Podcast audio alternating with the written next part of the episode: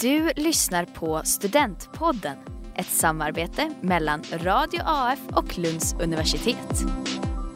Hej Amanda! Hej Alma.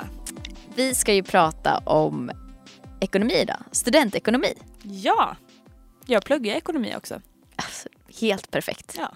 Helt perfekt. Mm. Ja, för du pluggar ekonomi just nu. Ja, företagsekonomi. Företagsekonomi. Mm. Roligt, roligt.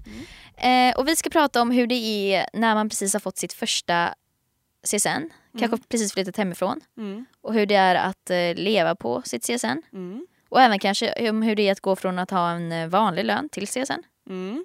Ja, det är helt olika. Ja, det är helt olika. Mm. Själv hade ju jag egen lön. Ja. Eh, Jag hade jobbat andra året efter studenten och kom till Lund. Eh, Det var en omställning för det var mycket mindre pengar.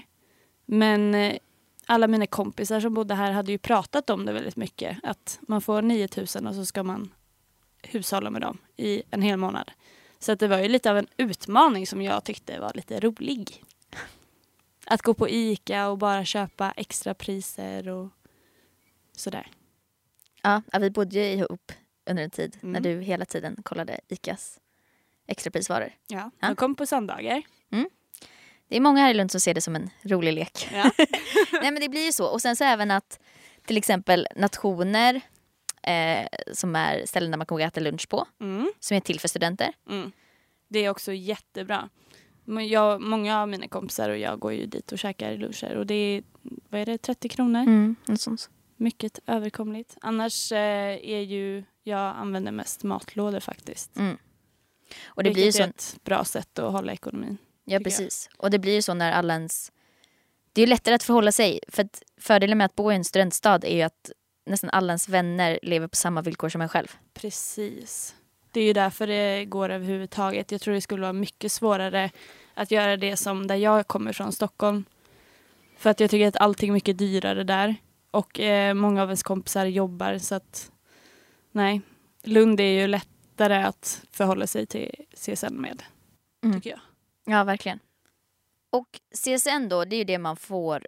Det står ju både av ett lån och ett bidrag. Mm. Eh, så att många som även flyttar till Lund, vissa tar ju bara bidrag. Mm. Som min bror till exempel. Ja, vad, vad gör han? Han har jobbat väldigt mycket innan han kom hit och tycker att han klarar sig med eh, den lönen han har sparat och bara bidraget. Mm. Så man behöver inte ta lån om man inte vill. Och jag har andra kompisar som jobbar extra på eh, olika företag som välkomnar studenter och de tar också bara lån. Och sen behöver man ju inte ta lån heller. Man får ju bara lån i, vad är det, sex år tror jag. Mm, Så man jag får ju också hushålla lite med, med bidragen och lånen. Mm. Och innan du flyttade hit så bodde ju du också i en storstad. Mm. Hur var, I Stockholm. Hur var den omställningen att flytta liksom ekonomiskt? För jag gissar på att den staden, alltså Stockholm, är ganska mycket dyrare. Absolut. Eh, en bra jämförelse är väl falafeln här i Lund som kostar 30 kronor och i Stockholm 50. Eh, Typ mer, va? kan det inte typ kosta 80 i Ja, Stockholm på det kan vara helt galet. Och att eh, hyrorna här, även fast man kanske tycker att det är dyrt för att vara studentboenden så är det mycket billigare än i Stockholm.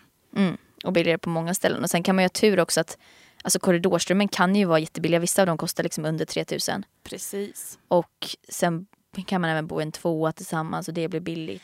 Så helt enkelt, det går ganska bra att klara sig på studentbidrag här i Lund. Eller hur? Det går utmärkt så länge man bara håller koll på sitt konto. Precis. Så, tack så mycket för att du ville vara med här idag Amanda.